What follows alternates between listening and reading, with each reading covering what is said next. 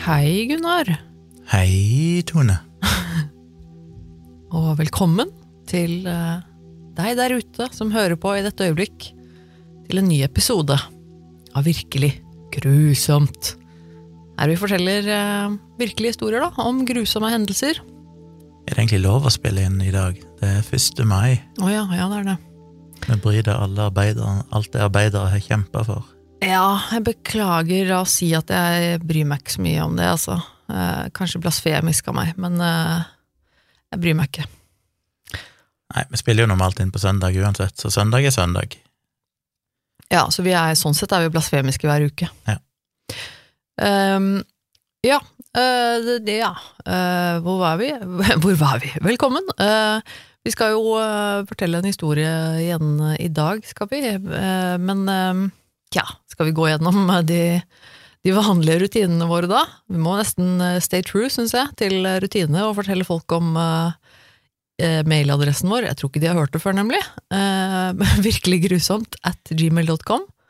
For der mottar vi nemlig tips og sånn om, om saker eh, fra dere der ute. Om eh, altså temaer, sa, saker, spesifikke saker som vi kan snakke om eh, i den podkasten her. Um, Det er veldig nyttig. ja, det, er, det er veldig nyttig, og det er veldig kult at folk fortsetter å sende oss tips, eh, liksom stadig vekk. Så tikker det inn en og annen eh, mail eh, der på den adressen, og det er, jeg syns det er veldig kult. Det er liksom Det er ikke sånn at folk bare gjorde det i starten, folk gjør det liksom enda, på en måte. Jeg blir Ja, liksom mer enn positivt Ja, og vi får jo-.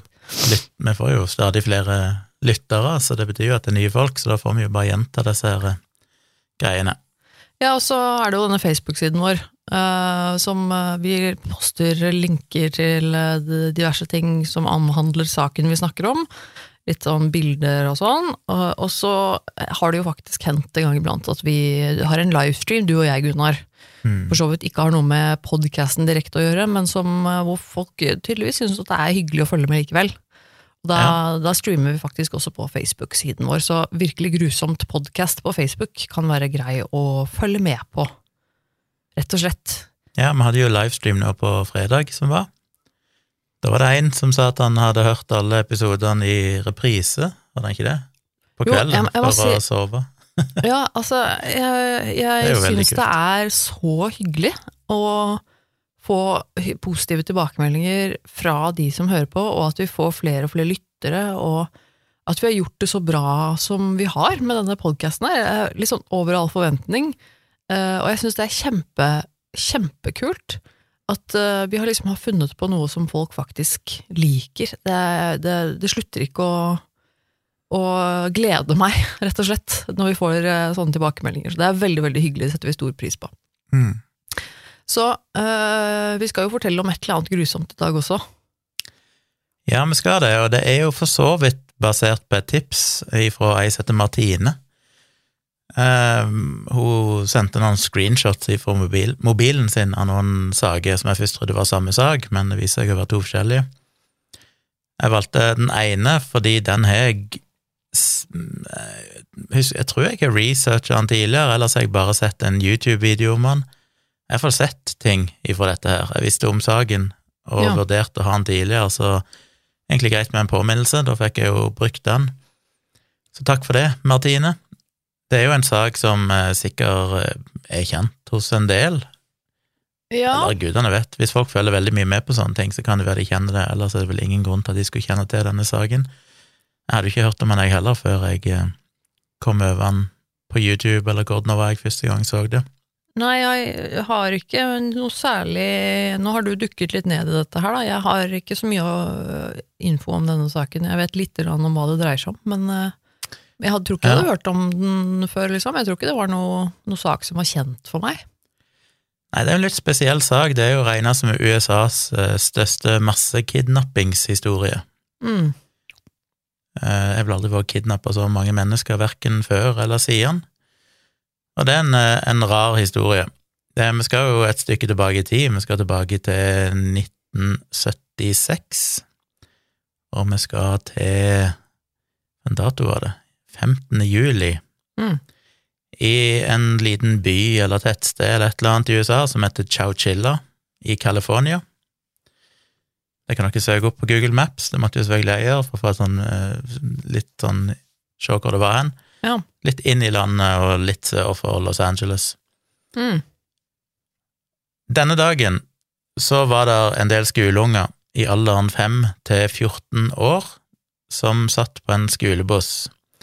Og denne skolebussen, dette var på ettermiddagen, de var på vei hjem ifra en skoletur eller en sånn liten utflukt til noe som heter for The Chowchilla Fairgrounds Swimming Pool, altså et badebasseng på en eller annen sånn lekeplass eller aktivitetsplass i byen. Disse elevene gikk på noe som heter for Dairyland Elementary School, altså grunnskole, og eh, var på vei hjem igjen og satt på skolebussen med bussjåfør Frank Edward Ray, eller Ed Ray, som han gjerne ble kalt. Mm. Og han hadde kjørt skolebuss lenge, og alle elevene følte seg veldig trygge på han. Han var veldig populær og, og gjorde denne jobben. Og det var som sagt et vidt spekter av aldre som han plukket opp eh, fram og tilbake når han skulle levere og hente de på skolen, og òg da på denne her lille utflukten der han var på vei til å kjøre de hjem på ettermiddagen. Men på veien hjem så eh, ble, eh, måtte plutselig bussen stoppe fordi det sto en, en varebil og blokkerte veien. Det er jo alltid litt eh, Alltid, jeg tror aldri jeg har opplevd det. Det er ikke noe han opplever så, så ofte, men det er vel noe som en blir litt sånn Oi, hva er dette her for noe? Men Ray måtte jo stoppe bussen, selvfølgelig, og idet han stoppa bussen, så kom det tre menn med våpen ut, og de hadde trukket i god, gammeldags bandittstil sånn en eh, strømpebukse over hodet. Mm.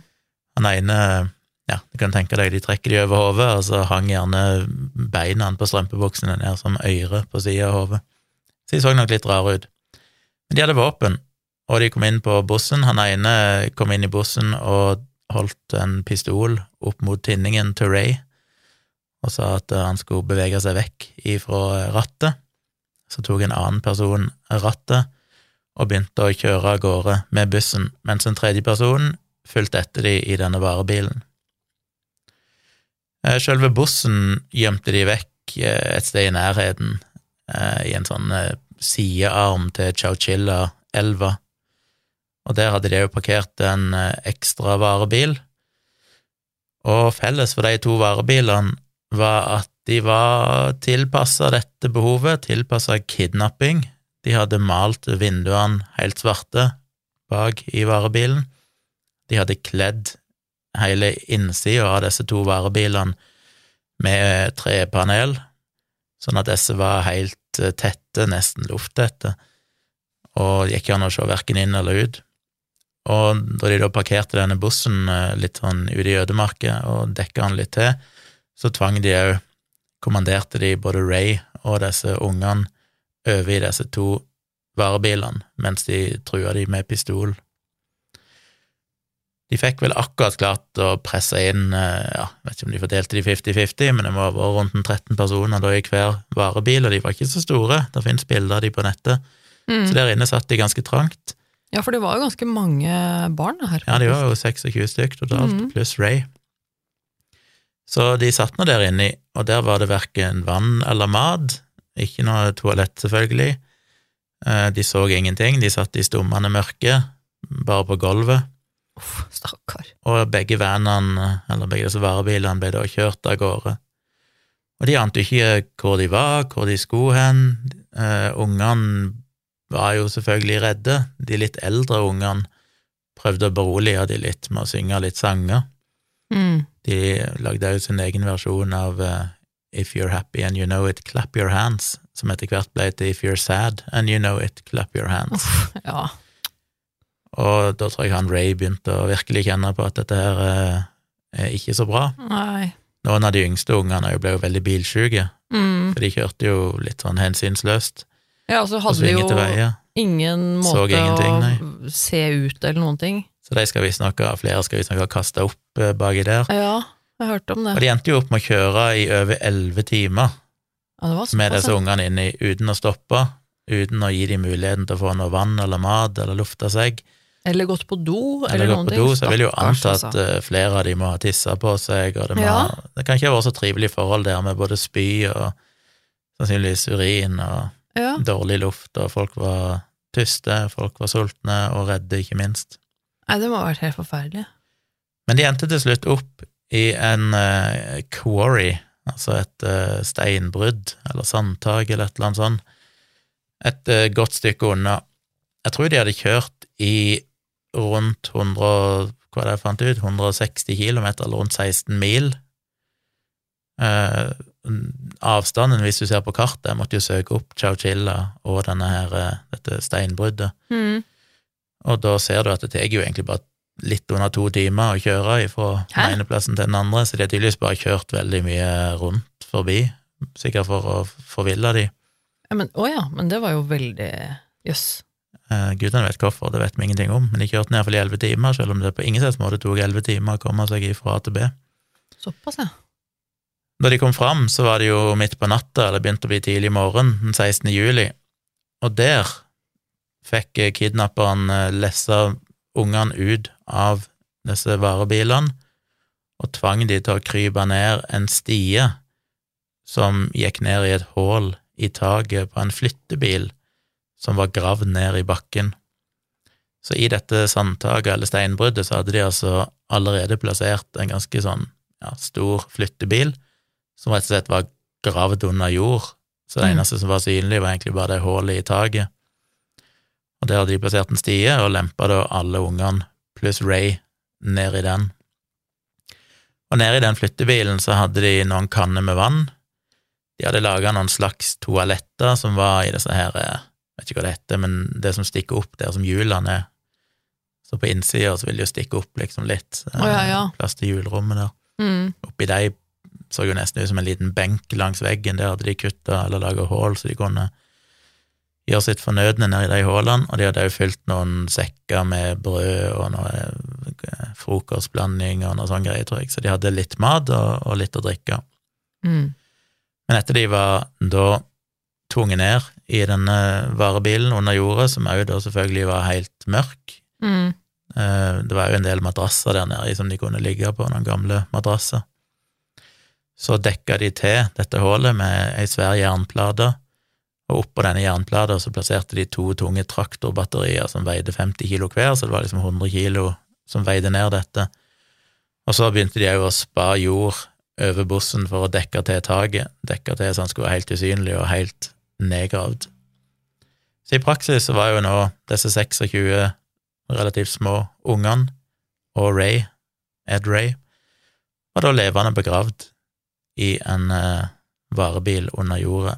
Ja, for de hadde ikke lys inni der, var det sånn? Jeg husker ikke egentlig om det fantes noen form for lys.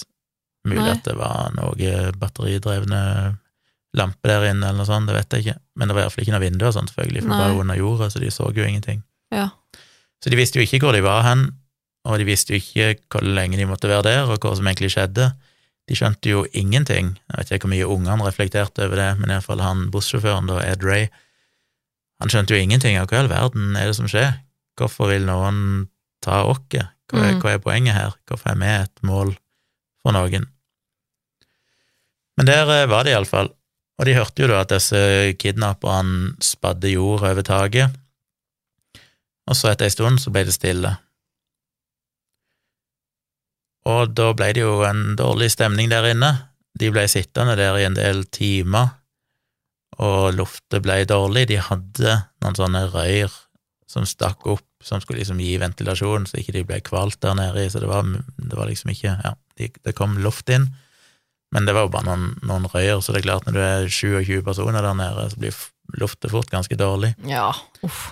Så det var ikke noe trivelig å være der. Unger grein, eh, ropte etter mamma, og ubehagelig stemning. Stakkar. Men så reiste plutselig den eldste gutten i denne gjengen, en 14 år gammel gutt som heter Michael Marshall. Han reiste seg opp og sa at ok, jeg, eh, hvis jeg skal dø her nede, så skal jeg iallfall prøve å, å dø mens jeg flykter. Jeg vil ikke bare gi meg. Mm. Og da fikk jeg jo han bussjåføren, da, Ed Ray, han fikk eh, litt sånn livsgnist og tenkte ja, fuck, eh, bra, vi må gjøre et eller annet. Ja. Så de endte opp med å stable de to pluss noen av de andre guttene og de eldste guttene der, de tok madrassene og stabla de oppå hverandre under den åpningen i taket, sånn at de kunne klatre opp og få tak på den. Og så prøvde de da å flytte denne her svære metallplata som lå over. Mm. Men den var jo vekta ned, som sagt, med 100 kilo batteri, pluss at metallplata sikkert òg veide litt, pluss Ja. at det var spadd jord oppå der igjen. Så den satt jo ganske bom fast. Men så var det noen av de andre ungene som begynte å ta sånne planker som hadde De hadde vel bygd en slags senge eller noe sånt til disse madrassene, så det var i hvert fall noen planker der som de kunne bruke, som de ga til guttene, så de gikk opp én etter én, disse guttene, etter tur, og prøvde da med denne med plankebeder, liksom dytte alt de kunne, og, og få flytta den her metallplata. Mm. Og det ble jo fryktelig varmt der nede, så de svetta jo som bare det. Og de andre ungene prøvde å hjelpe med å ta vann og liksom tømme over hodet på de og kjøle de ned og sånn. Å nei. Men de holdt på lenge, og til slutt så klarte de faktisk å bevege denne her metallplata bitte grann. Og vil tippe det kanskje kom en liten åpning, og når de først hadde fått en liten åpning, så kunne de da lirke inn disse tre plankene og bruke det til å liksom jukke det videre vekk. Mm. Så til slutt så fikk de faktisk flytta vekk denne metallplata, og det raste jo en del jord ned i bussen når det skjedde. Men da gikk eh, Ray opp, og så løfta han en av de mindre guttene opp i denne åpningen, så han kunne grave seg ut. Og så fikk de etter hvert rett og slett eh, tatt en og en av ungene ut av hullet, sånn at alle kom seg ut. Men da hadde de vært der i 16 timer før de til slutt eh, ja, kom seg ut. Da de kom seg ut, så var det vel, jeg vil anta at det da var Ja, når var det? Det må vel ha vært litt utpå dagen, da, den, 20, den 16. juli. Så det var vel sannsynligvis lys. De kom seg ut, og så var jo dette et litt sånn øde område, så de gikk eh, et, litt bort et stykke, og så var det vel et sånn vakthus på denne her eh, det steinbruddet, der det var en eller annen vakt. Og de fikk tak på han, og han skjønte jo ingenting nei. Tenkte hva i all verden er dette, men eh, han hørte jo hva de sa, og så fikk de ringt politiet og sånn. Mm. Og så ble det jo en enorm stor sak med media fra hele USA, og hele landet stoppa jo nesten opp når dette skjedde, for det var jo en helt ekstremt dramatisk hendelse. De fant jo etter hvert eh, denne bussen som de hadde blitt kidnappa i, stua vekk da, Ja, skolebussen, ja. Mm. og den kunne de se var, var kjørt inn etter at ungene var tatt ut, så hadde de gjemt han vekk enda mer. De kunne Mm. òg se at det var andre bilspor oppå bilsporene til bussen, så de da skjønte at de hadde blitt bortført i disse to varebilene og sånn. Så historien deres liksom eh, kunne verifiseres, da, at det som hadde skjedd, hadde faktisk skjedd. Men så var jo spørsmålet hvem i all verden var det som hadde gjort dette, og hvorfor hadde de gjort det? Mm. Men denne her, dette steinbruddet var jo da eid av eh, en fyr som heter Wood. Dette navn, husker jeg helt fornavnet. Og dette var en ganske velholden familie. Så eh, de gikk vel og ransaka huset hans, og der fant de litt eh, info. De fant blant annet en pistol. De fant òg en kladd til et sånn eh, ransom note, sånn utpressingsbrev, men ikke noen av folkene. Men de skjønte jo ganske fort at det måtte ha noe tilknytning da til denne familien, Ja. så ganske fort så ble jo da sønnen til han som eide dette steinbruddet, mistenkt, og en 24 år gammel mann som heter Frederick Newhall Woods, den fjerde. Bare Eh, der vet du at det er en familie med, med ressurser. Og de fant òg fort ut at uh, han hadde gjort dette sammen med to av vennene sine, to brødre som heter James og Richard Schoenfeld, som var 24 og 22 år gamle, som òg kom ifra veldig velstående, rike familier. Mm. Uh, så det var jo litt sånn merkelig hele greia at dette var tre unge menn som alle kom ifra veldig rike familier. Men uh, de fikk tak på de relativt fort. De de eh, fikk tak på, jeg tror det var Woods de fikk tak på først. Eh, de fant òg han ene av disse brødrene, James Schoenfeld, han fant de Eller han meldte seg vel sjøl, tror jeg, til politiet i en annen plass i California, der han møtte opp med faren sin og en advokat til politiet og meldte seg. Det var vel åtte dager, tror jeg, etter denne kidnappinga. To uker etterpå så fikk de tak på han Woods sjøl, han hadde rømt til Vancouver i Canada, og han eh, eh, James Ja, jeg husker ikke hvem og hvem. James og Richard ble jo i hvert fall tatt, da. Mm. Så de fikk tatt de innen to uker, så hadde de tatt alle tre. Det viser seg jo da at eh, hele grunnen til at de hadde gjort dette, var jo selvfølgelig bare at de ville ha løsepenger. Mm. Og selv om de alle kom fra veldig rike familier, så hadde alle tre klart å havne i veldig dyp økonomisk gjeld på en eller annen måte, uten at jeg har funnet ut hva som skjedde. Men de skyldte iallfall mye penger, og derfor hadde de funnet ut at den beste måten å få tak på et virkelig stort beløp, det var å kidnappe mange små unger. For det som han eh, ene sa, James Schoenfeld, han sa vel det at We needed multiple victims to get multiple millions, and we pick children because children are precious. The state would be willing to pay ransom for them, and they don't fight back. They're vulner vulnerable. They will mind. Mm. De mente at unger var det beste å kidnappe, for det var noe som folk faktisk brydde seg om, og de trodde staten ville være villig til å betale for dem, og hvis de kidnappa mange nok, så kunne det bli stor, store nok beløp. Problemet var jo at eh, etter de hadde gjennomført den kidnappinga, da, dette skjedde jo 15. juli, og 16. juli så våkna de opp, og da skulle de egentlig ringe inn dette kravet om løsepenger. Og det de hadde tenkt å kreve, da, var fem millioner dollar, som i dag tilsvarer rundt 24 millioner dollar, så det er et stort beløp. Ja.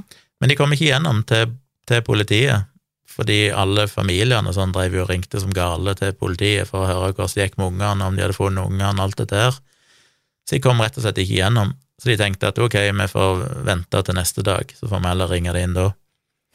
Problemet var jo bare at samme kvelden så hørte de på nyhetene at alle disse ungene hadde kommet seg ut og var funnet.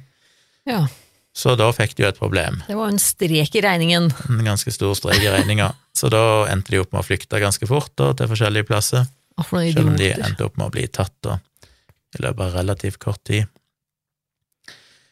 Eh, Det er jo spekulert i at eh, måten de kom på hele denne handlingen på, er henta ifra ei bok, eller en historie, som heter The Day the Children Vanished, som er en historie, en sånn skrekkhistorie eller et eller annet, skrevet av Hugh Pentecost, og som ble publisert i ei bok i 1969 som heter Alfred Hitchcocks Daring Detectives. Mm. Og denne boka fantes på det lokale biblioteket i Chowchilla. De vet jo ikke om de har lest boka, men siden den, noen tydeligvis oppdaga at denne hendelsen her er veldig lik den historien i den boka, og den boka var tilgjengelig på biblioteket der, så mistenker de jo at de kanskje har en av de har lest den der, og så fått ideen til måten å gjøre dette på. Ja. Da de ble tatt, så Fant de ut at eh, navnet hans sto som låntaker inne i boka òg, eller etterpå, eller noe sånt? Nei, det vet jeg ikke. Men etter de ble tatt, så erkjente de skyld for kidnapping, og for ja, kidnapping med, hensi, med hensikt å få utbetalt løsepenger, og for ran, men de ville ikke eh, innrømme at de var skyldige i det som kalles for infliction of bodily harm, altså at de er påført i fysiske skader. Ja, ja.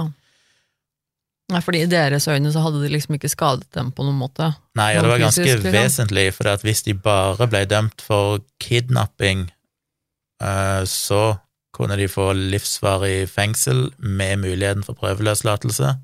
Mm. Men hvis det kidnapping skjedde i kombinasjon med at de hadde påført de fysisk skade, så forsvant muligheten til prøveløslatelse. Ja, ikke sant. Og jeg tror ingen av de egentlig i det hele tatt tenkte at de kom til å få noen veldig streng straff for dette her. Jeg så Nei. jo noen, jeg har sett noen videoer, blant annet en video som viser bare en serie med, med klipp fra den lokale TV-kanalen i Chowchilla, Mm. som er litt interessant å se. De opprinnelige opptakene, ikke sant, når de blir funnet, og pressekonferansen til politiet og sånn, Ja. som hopper litt fra opptak til opptak, for det er tydelig at de har funnet noen filmroller som de har klippet sammen, og det mangler litt her og der og sånn. Men der er det blant annet et klipp på slutten fra rettssaken, der tror jeg det er advokaten til han ene som journalistene spør liksom, ja, hvordan eh, reagerte han på å få livstid i fengsel? Nei, det kom nok litt som et sjokk på han. Så spurte de har dere ikke snakka om dette, så sa han bare nei, vi kunne ikke snakke om det, om muligheten for det. Så det virker ikke som advokaten i det. De, jeg tror ikke de var forespeilt muligheten en gang fra advokaten til at de faktisk kunne få en så alvorlig straff, da. De endte opp med å bli dømt for å ha gitt de fysisk skade, Mm. som betyr at de da fikk livstid uten mulighet for prøveløslatelse, men den dommen ble anka, og endte opp med at de, den siste delen ble frafalt, at de fant ikke at de skadene ungene var påført, som da stort sett bare var litt eh, blåmerker og noen få sånn kutt, at det møtte ikke stand, eller møtte ikke kravene da for det som er, er kravet til å være fysisk skade, da, i henhold til så- lovverket. Så psykologiske traumer og sånn, det tar de ikke hensyn til. Nei, Det er jo det som var litt debatt. Jeg ser I den videoklippet òg, så intervjua de jo noen folk der de diskuterte nettopp det, liksom hva er kravet her, og hva Der noen mente at det å bli kidnappa, sperre inne i en mørk eh, bil under bakken, er helt åpenbart stor psykologisk. Jeg vil jo tro at disse ungene her hadde det helt forferdelig. At det må jo være en Ja, så er noen som mente at det de- helt åpenbart måtte kvalifisere til å være såpass skadelig at det, det Mens andre mente at nei, det, det holder ikke. Og de ble jo som sagt først dømt for det, men så ble det anka, og så endte den andre Mm. rettsinstansen der med å mene at det gjør det ikke. Og det kan jo være det er riktig i henhold til loven, det kan være at den fokuserer på fysisk skade, at ikke han ja, ja. at selv om kanskje alle mener det, så hjelper jo ikke det hvis ikke lovverket spesifikt Nei, nei, absolutt. egentlig er utforma sånn. Så de endte opp med å få livstid, og ikke bare én livstid, men de fikk jo da én livstid per Per. Person, Nei. så de fikk 27 consecutive life sentences. Det er så absurd, altså. Men det er jo relativt uh, Altså, ja, har du fått livstid, så har du fått livstid, det hjelper ikke om du får 27 av de. Men så lenge de hadde muligheten for å søke om prøveløslatelse, så var det jo fortsatt mulighet for å komme ut igjen. Og Richard Schoenfeldt, han er en av de to brødrene, han ble sluppet fri i 2012. Ja. James Schoenfeld, han ble sluppet fri 7. august 2015. Og det som gjør denne saken litt sånn aktuell, er jo at i 29. mars, tror jeg det var, så ble det foreslått at uh, selveste Frederick Newhall Woods den fjerde, som ble sett på som egentlig hjernen bak dette her, da, hovedmannen, han hadde jo søkt om prøveløslatelse et utall ganger før, jeg tror han hadde søkt 18 ganger tidligere og fått avslag, muligens 19 ganger tidligere, det varierer litt hvilket tall som står i forskjellige artikler. Men nå, for en måned siden, så ble det faktisk foreslått nå at han skulle få prøveløslatelse. Yes.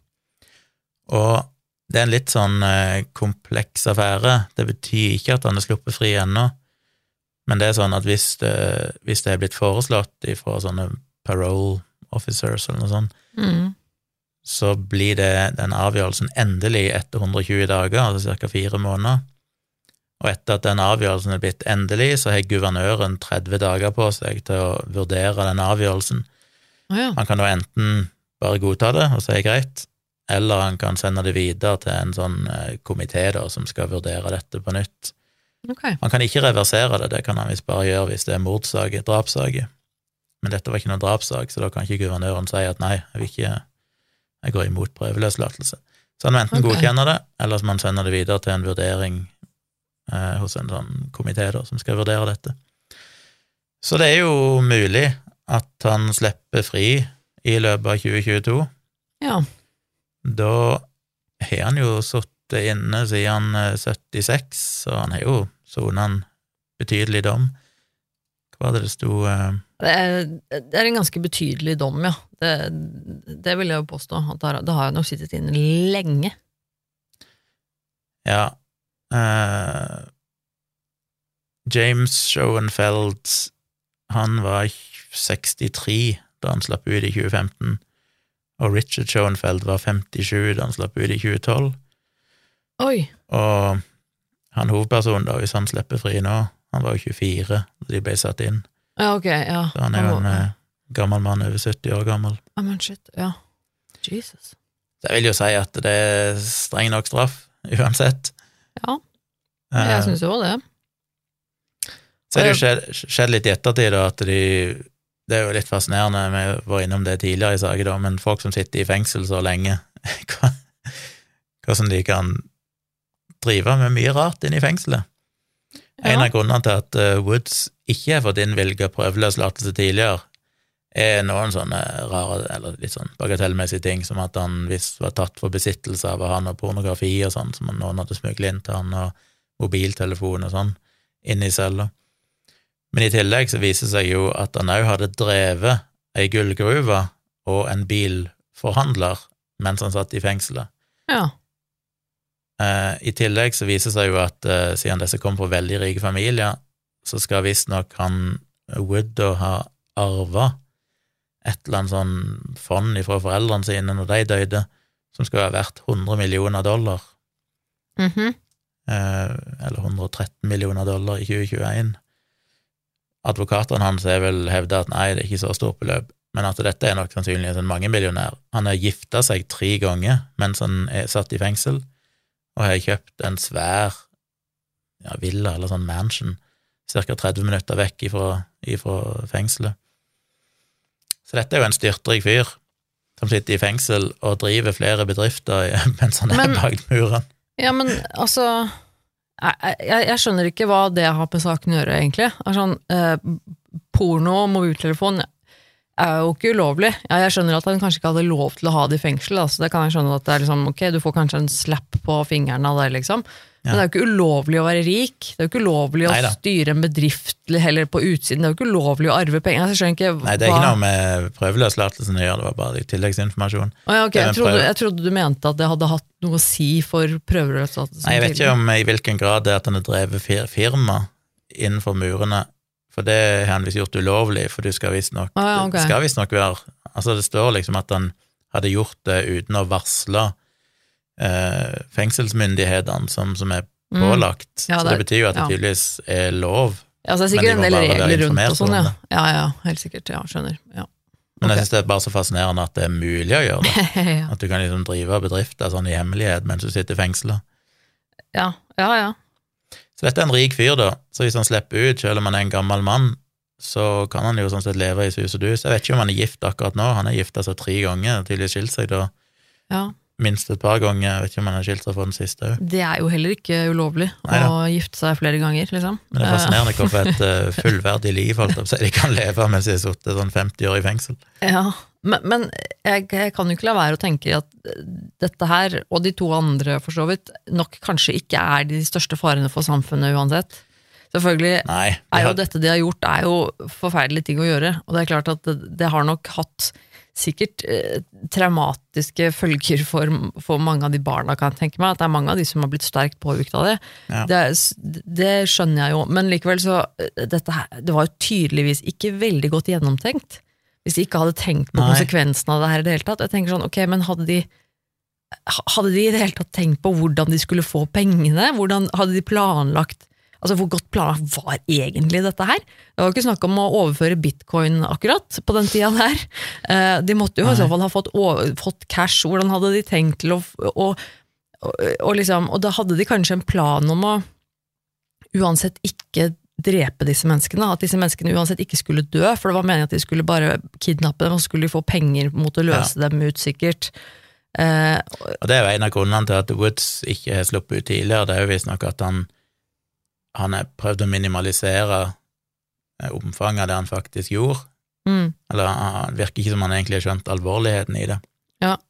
Men det er klart, det er jo nettopp det da at i hans sitt hode var det vel snakk om at ja, ja, vi, vi sperrer de ned her, her er de mat, her er de vann, her er de Mm. luft, her skal de bare være en, en kort, begrenset periode fram Ja. til de blir frigjort. Ja. Vi vil jo ikke disse ungene noe vondt, egentlig. Så i hans øyne så er det liksom sikkert vært en ganske sånn bagatellmessig greie. Ja. Bare en lur plan for å tjene penger. Og så har han kanskje nok ikke skjønt hvor mye det faktisk påvirker disse barna, Nei, det har jo påvirket det mye, og det er jo gjort noen studier på disse ungene etterpå. Kan oh, ja. jo bare først si at han eh, bussjåføren, da, Ed, Frank Edward Ray, han døde i 2012, 91 år gammel. Oi, han ble gammel. Han fikk jo mye utmerkelser. Han fikk jo først California School Employees Associations Citation for Outstanding Community Service. Ja. Men òg før han døde, så ble han jo oppsøkt av mange av disse ungene, som da var selvfølgelig godt voksne, Ja, ja, ja. som eh, besøkte han jevnlig og, og liksom Holdt kontakten, eller sånn. Ja. Mm. Og i 2015, da etter han var død, så valgte Chowchilla å eh, navngi en sånn sports and leisure park, altså en, annen parkområde, til Edward Ray Park. Mm. Og hver eh, 26. februar, som er hans fødselsdag, han ble født i 1921, 26. februar, så har de da erklært det som Edward Ray Day i Chowchilla. Mm. Så han eh, er liksom blitt en folkehelt på alle mulige måter. Det kan man jo forstå. Men ungene har jo slitt, og de har jo lært litt av dette, så vidt jeg skjønte, så er jo blant annet eh,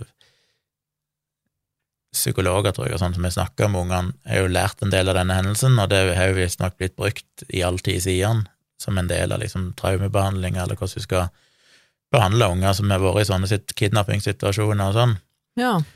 Men de har jo rapportert det mange av ungene at så lenge som 25 år etterpå, så sleit de fortsatt med mye traumer etter dette her. Mm.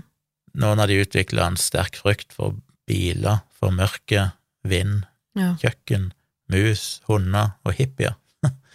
Yes. En av de endte opp med å skyte en japansk turist med luftgevær, for det at det, som jo ikke er så farlig, da, men neppe noe stor skade, men en japansk turist som tydeligvis hadde fått et motorhavari med bilen sin ut forbi huset hans, og han fikk Oi. sånn automatisk tydeligvis av fryktreaksjon, Ja, så han og blitt redd, ja. gikk til angrep på han.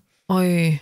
Flere av de har slitt med rusmisbruk og depresjon, Uff. Ja, ja. noen av de har blitt fengsla for å for doing something controlling to somebody else. De tydeligvis er jo her og Kontrollerende oppførsel overfor andre mennesker, liksom. ja. Ja, som tyder på bare egentlig at de har blitt preget psykologisk, da. At de har fått noen form for, for Ja, traumer. De har slitt mye ja. med panikkanfall, eh, mareritt som handler om kidnappinger, døden, personlighetsendringer og sånn. Mm. Hun ene har jo sagt at hun helt fram til nylig, her, da er det jo snakk om flere tiår, ikke har klart å sove uten å ha på nattbordlyset. Sånn. Men det som er litt interessant, som alltid er interessant i behandling av spesielt barn kanskje, og traumer, er jo alltid hvilken del av traumene kommer utelukkende fra handlingen eller opplevelsen, og hva kommer av det som skjedde etterpå. Fordi når du ser på videoene og sånn, så eh, intervjuer de jo ei jente, for eksempel, som bare sier liksom at nei, jo, er det helt fint, og eh, så spør de er jo redd disse mennene, så nei, jo ikke det, liksom. Mm. Og rapporten når de ble frigjort, var jo at alle virka å være i godt humør og hadde det helt fint og var i god form og sånn. Og det er klart, det kan jo Selvfølgelig kan det komme seinere aksjoner, Mm. men jeg tror nok det er vanskelig å si at, at ikke det, det, det er alltid vanskelig med sånne ting, for selvfølgelig må det tas på alvor, og du må gjennom alle de prosessene du må igjennom. Men vi har jo lært for eksempel siden den gang at sånn uh, akutt uh, krisepsykiatri og sånn eh, og er jo frarådende, for det gjør ting verre. Så spørsmålet er jo, fikk de den type oppfølging med en gang, som kan ha endt opp med å forsterke traumene? Ja, Klart så må de ja, gjennom rettssak, så det var ekstremt mediepress på de. ja, Det var mye der som har sementert liksom de følelsene.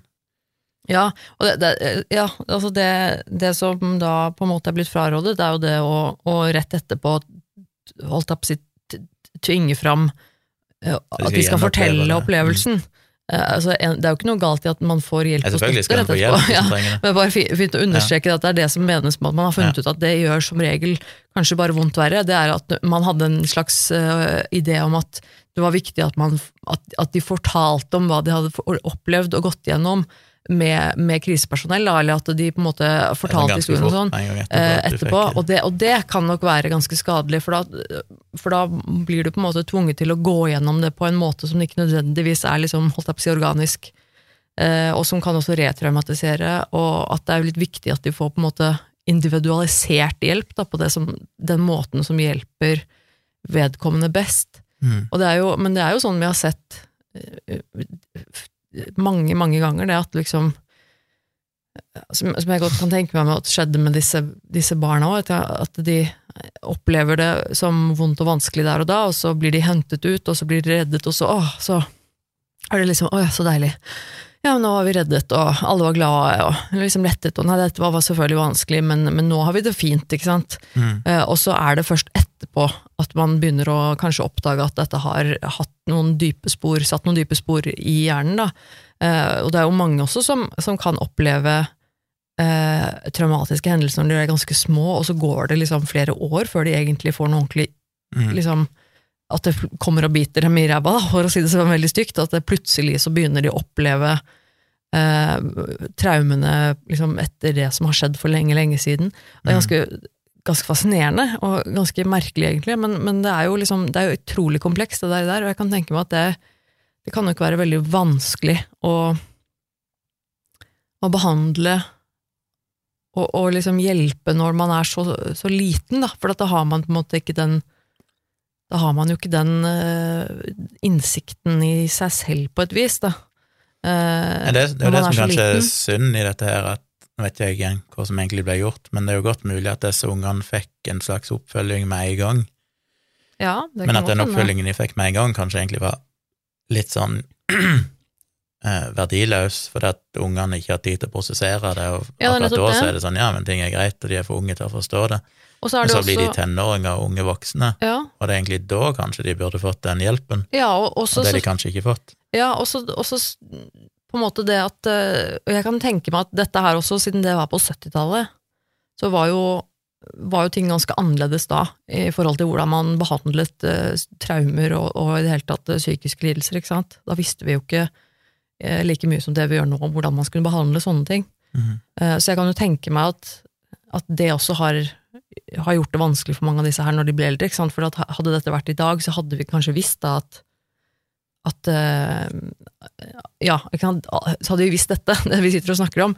Men jeg kan tenke Ja, selv om vi, det var i dag, så tror jeg de hadde slitt med å få den hjelpen Jo, jo. de trenger. jo, men, men, ja, men poenget er at eh, back then så kan jeg tenke meg at da kanskje kommer de til å snakke med noen psykiatere eller sånn, og så, så spør de liksom hvordan barna har det, og følger med på dem en liten stund.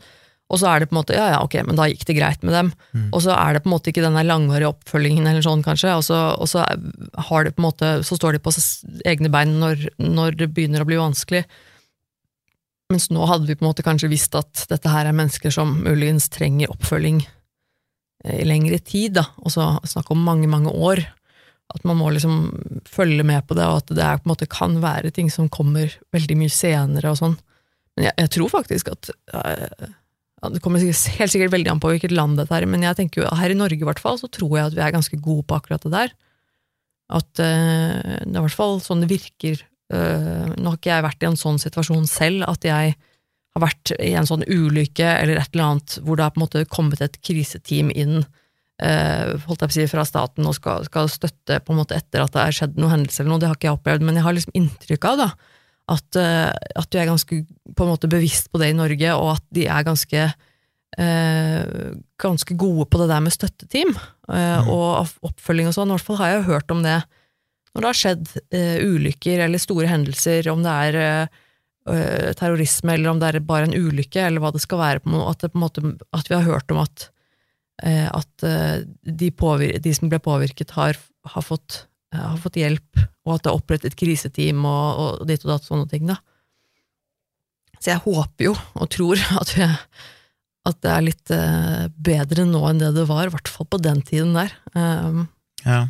men eh, nei, det er jo selvfølgelig Det er liksom litt, Nå kan ikke jeg noe om dette, men jeg bare leser en sånn artikkel der de skriver litt mer om det, da der de sa nettopp det at dette, at dette her skjedde, så så føltes det som en sånn happy ending, at ja, alle ungene kom seg hjem, og ingen var egentlig fysisk skada.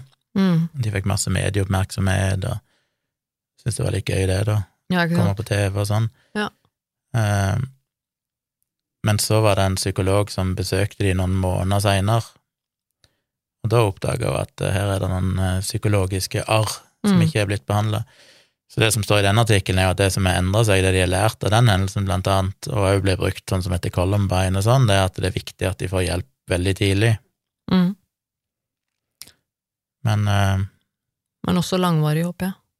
jeg håper jo det. Men det bare føltes som at det gikk litt i strid med det jeg følte vi egentlig hadde lært de seinere årene. Og det er ganske nylig, egentlig, ikke så langt tilbake igjen i tid før de, de begynte å fraråde det med den der umiddelbare krisepsykiatrien, men det er kanskje bare måten det blir gjort på, da, det, Jeg tror det. Jeg tror det har veldig mye med metode å gjøre, for, for, for det er jo ikke at mer lytter til de og bare forholder ja, seg til det. og heller, heller på en måte ivareta hver enkelt person, for det kan godt hende at det er noen som har behov for å snakke om det med en gang.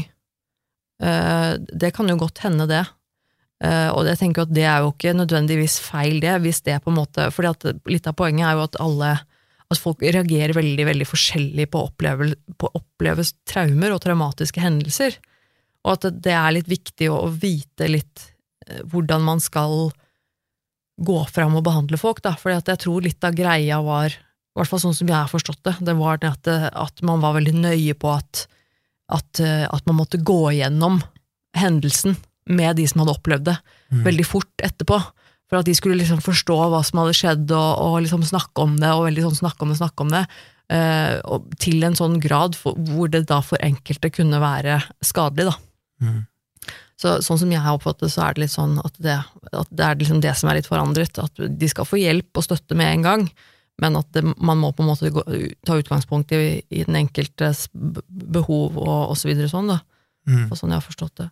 Men, eh, men nei, tilbake til de der, eh, de folka som gjorde dette her. Det er jo ganske sånn fascinerende Fascinerende eh, hvordan de på en måte bare ikke da forsto, da. Eh, at dette her kunne være noe som kunne gjøre skade på, på disse barna. Det er ganske sært. Men, men jeg tenker jo at da er du ganske da er du, Men da er du også ganske desperat, da.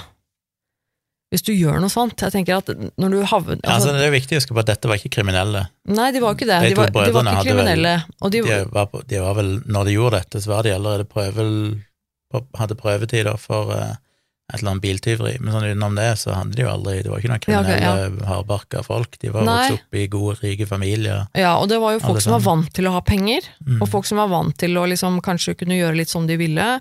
Og når du da plutselig havner i en, en, eh, en økonomisk krise, da, så er det kanskje vanskelig å vite hva, hva gjør man da? For da er det kanskje mennesker som er vant til å bare ha penger, og bare få penger, eh, og som faktisk kanskje ikke vet hvordan man skaffer penger, eller muligens, eller som ikke på en måte har noe, eh, noe ordentlig perspektiv på hvordan å komme seg, eller hvordan å løse sånne? For det, det Jeg kan liksom se for meg at det, det føles ikke så farlig at de kan ha sittet der og planlagt dette og tenkt at ja, vi kidnapper ja, nei, mange unger, Ja. sperrer de inne, men de får jo det de trenger. Ja, ikke sant? For de sånn, tenker sånn, ja, men vi skal ikke skade dem, vi skal ikke drepe dem eller, eller skade dem, de skal få mat, og bare, bare putt dem inni der så de ikke finner dem. Og så at det, for det slår meg her som ganske sånn desperat og korttenkt. Men Det er selvfølgelig interessant, som alle får vite, da, men det er jo De fikk jo aldri eh, levert kravet sitt. Nei. Det rakk de jo aldri å gjøre. Men alltid, jeg skulle likt å vite hva som hadde spilt seg ut nå, hvis de hadde, hvis de hadde gått etter planen, hvis de ikke hadde kommet seg ut, Mm. disse ungene, og de hadde levert inn eh, dagen etterpå, hadde ringt inn og sagt du, vi vil ha sånn og sånn Ja. millioner for eh, Om det faktisk hadde blitt utbetalt. Ja, Og hvis ikke det hadde blitt utbetalt, hva var planen deres da? Var det da å slippe de i frihet en stund og bare si ok, fuck it, det gikk ikke? Ja, og som sagt, hadde de latt de dø der hvordan inne, eller ja, Jeg klarer ikke helt se for meg at de ville at de dø for de virker ikke helt Nei. som at det var noen mål for de å skade noen. Nei. De ble jo væpna, men de, de fyrte ikke av noen skudd, de skada jo ingen i prosessen, liksom. Det var nok bare for å, å Nei, og de har nok helt sikkert skjønt at, at det er lurt å ikke skade dem, ikke sant, på en måte. Mm. Altså at, eh, for hvis du dreper dem, så får du jo ikke pengene Ja, det var det jo, for ellers hadde de sittet i fengsel ennå. Ja, ikke sant. Så såpass måtte de jo ha tenkt. Og jeg syns jo det er Men jeg, jeg syns det er fascinerende hvor, hvor korttenkt det virker å være, da. Uh, og, for, og tydelig ganske desperat på å få penger. Eh, Når du går til en såpass grad da, for, å få til, for å få penger, er så må å, du være ganske desperat. Det er klart det å begrave den bussen på faren sin eiendom, i faren sin eh, steinbrudd Ja, det er jo lurt hvis du ikke regner med å bli funnet, for at den bussen, eller den, den flyttebilen som de ble begravd i, den var visstnok begravd der i november året før, så den hadde jo vært der i tre kvart år. Og det tar jo litt tid, og du kan ikke gjøre det hvor som helst uten at noen begynner å stille spørsmål ved hvorfor graver dere ned en, Nei. en varebil her, men det å gjøre det på faren sin eiendom, det var da tydeligvis, der hadde han jo tilgang, og der var han veldig mye, han Ja, sønnen. Og så er det jo ikke noen som på en måte på et visst tidspunkt kanskje tenker at er det så lurt å da knytte det hvis de finner denne her, er- så er det sånn, da er det ganske åpenbart, for da er den på Ja. vår eiendom. Er det kanskje så sant, det, er ikke, det er ikke tenkt så langt her, virker det som. Det er ikke, så jeg syns det er ganske sånn fascinerende dumt, egentlig, det de driver med her. Det virker som planen må ha vært at de skulle repetere handlingen når de fikk løsepengene, så skulle de tilbake igjen, Ja. lempe ut alle ungene, Ja. de fri på en eller annen vei en plass, sånn at, for det, det er jo tydelig at de ikke ville at dette skulle Altså, de må jo ha skjønt at det må ikke spores til dette steinbruddet. Ja, De kan ikke si til politiet at ja, dere finner de begravd eh, Nei, der det og hadde der, jo for vært da er enda dummere. Ja. Så målet må jo ha vært at de skulle hente det igjen seinere. ja, kan jo se for meg det. Men de jeg er veldig veldig spent på akkurat hva de tenkte rundt de pengene. Og de kan jo ikke ha som plan at de skulle dø der, for at da ville Nei. de jo på et eller annet tidspunkt bli funnet, og igjen Ja. knytta til det Woods-navnet. Ja, nei, Det er jeg ganske sikker på at de Det er ganske tenkte overbevist om at de ikke ville de skulle dø. Mm.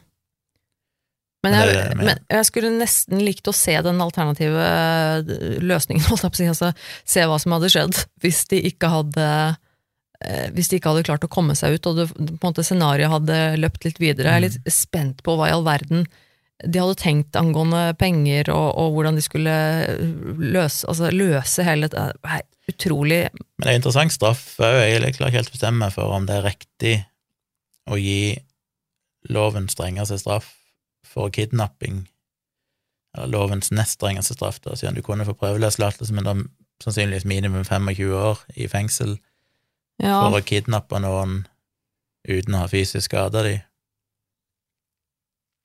Jeg skjønner at det er en svært alvorlig handling, ja som definitivt gir traumer til de aller fleste, Ja. men at det skal straffes like strengt som drap, basically, syns jeg er Altså jeg, Vi har jo snakket om eh, straff, og spesielt det amerikanske rettssystemet her har, vi jo, har dukket opp i en mang diskusjon her på denne kanalen, holdt jeg på å si, denne podkasten vår. Eh, og vi er jo generelt, du og jeg, er jo ikke helt enige i, i straffenivået de har i USA. Nei. Eh, og jeg tenker jo at eh, uansett så burde det ikke finnes noe som heter livsvarig fengsel uten mulighet for prøveløslatelse. Altså, det er jo det klassiske eksempelet her, da, er jo det at så lenge du uansett ender opp livstid i fengsel for kidnapping, så er det jo egentlig ingen grunn til at ikke de bare skulle ha drept alle. Nei, det er det. Du må liksom gi det folk et insentiv sjans. til å ikke drepe folk. Hadde de drept de, så hadde de kanskje ikke blitt uh, tatt noen gang. Nei, Da hadde de ikke hatt noen vitner, det var ingen vitner som så dette. Nei. Hvis de bare hadde funnet likene deres i en eller annen elv fem mil borte, Ja. så hadde de sannsynligvis sluppet fri. ja, og åpenbart også, hvis de hadde drept dem, så hadde de jo heller ikke klart å, å, å komme seg fri, ikke sant? Nei, og, ikke sant? det. Så, så da Så det å få Det å la de være i klart live er jo en større risiko enn å drepe de, Ja. så lenge straffen er den samme uansett. ja. Ikke helt den samme, for hadde de blitt tatt for drap, så hadde de ikke fått prøvetid, men det er liksom en Nei, men det, forskjellen er ganske liten. Ja. I hvert fall når de da får, får beskjed om at du Du kan se for deg liksom Ja, men ok, mest sannsynlig eh, blir vi tatt, så får vi livsvarig fengsel egentlig uansett. Jeg tror ikke noen tenker at jeg er bare 25 år i fengsel, det kan jeg Altså, det er jo basically livstid for de fleste. Ja, og, sånn. det er, sånn, det er litt sånn som vi har snakket om før også, i hvert fall du og jeg, jeg vet ikke om jeg har snakket om det i podkasten her, men det der med, med eh, er, det, er, er det du som har snakket om Var det ikke i statene hvor du kan få da livsvarig fengsel for å brutalt voldta noen, for eksempel? Eller utøve Ja, det var ikke det vi snakket om i for, den forrige episoden, han som voldtok og var det ikke det? læreren sin? Og det er liksom sånn Men jeg skjønner at, jeg skjønner at du blir sint, og at du skal straffe denne personen. Ja, det er jeg helt med på. Men det, da blir det samme igjen. Ok, men denne personen som gjør dette her, vil i utgangspunktet ikke bli tatt. Det er jo en person som ikke ønsker å bli tatt. Mm. Og hvis han da lar dette offeret leve, så er sjansen større for at han blir tatt, enn at hvis han dreper vedkommende. Mm. Og hvis han i samme da uansett får den samme straffen, Mm. hvis han blir tatt. Hvorfor i all verden skal han ikke drepe henne da, for å slippe unna? Og det, Nei, er, det er det og er det, det, det er litt absurd, egentlig, hvis du tenker, og der føler jeg at det er litt sånn at det, Jeg føler egentlig at det er det litt eh, rettssystemet i USA lider av. Det er litt den derre Det er Ja, veldig, som er det samme er veldig i Norge med at narkotikastraffer kan straffes med 21 års fengsel, Ja, og terror vel òg. Det er jo noen sånn greier som kan straffes med 21 år, som det er sånn, ok, hvis det er noen vitner, så er det bedre å drepe de da, for da er det mindre sjanse for å bli tatt, og straffen er uansett den samme hvis du blir tatt. ja, det er litt sånn for meg så, så virker det veldig korttenkt og litt, litt for mye At det er litt sånn Litt for mye følelsesladet, og jeg syns jo det er veldig skummelt med en gang vi skal tillate oss å ha for mye følelser involvert i et straffesystem. Det bør, det bør være ganske kalkulert og, og gjennomtenkt. Men nå snakker vi om én kidnapping. Ja. Det er klart, her er det 27 personer, der 26 av de er små barn.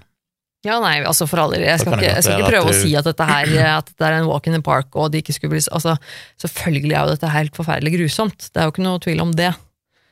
Men, øh, men jeg tenker jo Altså, jeg vet ikke, altså. Jeg hadde syntes at det er, det er vanskelig å si, egentlig, hva, de, hva slags straff skulle de fått. Jo, Altså, alltid på når de kommer tilbake igjen etter prøveløslatt, nei, når de er sluppet fri, som er godt eh, voksne eldre menn, hvordan de kan eksistere i samfunnet. ja. Alle vet vel at de gjorde dette. Altså, så får, Ja. Det er lettere, tror jeg, å, å hvis noen av de hadde bare, bare i gåsehud drept noen på 70-tallet, Mm. og så slapp fri på 2000-tallet, så tror jeg veldig få hadde brydd seg. Det er sånn ja, han ble tatt for et mord for 40 år siden. Men hvis det involverer barn, Ja. kidnappa barn, da tror jeg det er fort er sånn det er noen som skal hevne seg den dag i Ja. dag, noen som skal ta dem, noen som ikke vil la de slippe unna. Så jeg lurer på om de lever under Om de har skifta navn, eller om de kan fungere i samfunnet. Mm. Anyway, vi må jo rate denne, og den er jo litt sånn interessant å rate på grusomhetsskalaen, da. For det var jo ingen Ja. drap, det var ingen vold, fysisk vold. Men Nei, det var jo psykisk det var jo en hel mengde mennesker som ble traumatisert i Ja. flere tiår. Ja, for det er, det er barn, og det er eh, psykisk terror, vil jeg påstå, for disse barna, og det ene voksne mennesket også, skal sies. Um, men det er klart at i, i eh, sammenhengen denne podcasten, så må man jo liksom trekke fram det at det var jo faktisk ingen som døde her. Selv om de nok fikk langvarige skader eh, på psyken, mange av de, så eh, havner den jo ikke øverst på skalaen for min del. Si en ting Um, til, bare før jeg glemmer det, angående det med hvor lenge de regner med at ungene skulle være sperra inne. De hadde jo en begrenset mengde vann, Ja. begrenset mengde mat, og de kasta ned én dorull før de lukka igjen lokket, Ja. som igjen gir en indikasjon på at jeg tror de nok ikke tenkte at de skulle være der mer enn en dag eller to før Nei. de fikk løsepenger, og så var, skulle de frigis. Ja. Ja. Nei, hvor var du hen? ja um, nei, så jeg ehm, Altså, det, er, det at det er barn, det trekker jo litt opp, for det, det er jo litt sånn ekstra fælt når det er barn som må gå gjennom dette her, og at de da må leve veldig lenge etterpå med mulige traumer og sånn. Mm. Um, men jeg tror um, Jeg tror ikke jeg havner på mer enn kanskje en tre, altså.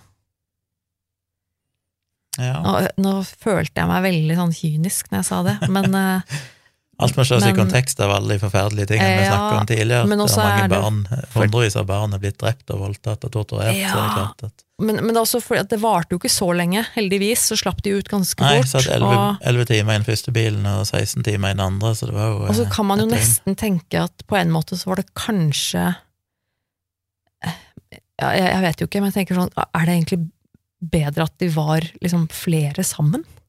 At de på en måte kunne hjelpe hverandre? At det, at det er verre å kanskje være alene Ja, i en sånn situasjon? Ja, jeg vet Tror. ikke. Uh, nei, jeg tror, jeg tror jeg må rett og slett bare si tre, altså. Jeg skal uppe deg og si fire, da. Ja, ja men det er greit. Det jeg syns er litt urettferdig i denne saken, er jo det at han, eh, han bussjåføren ble jo hedra så til de grader. Ja.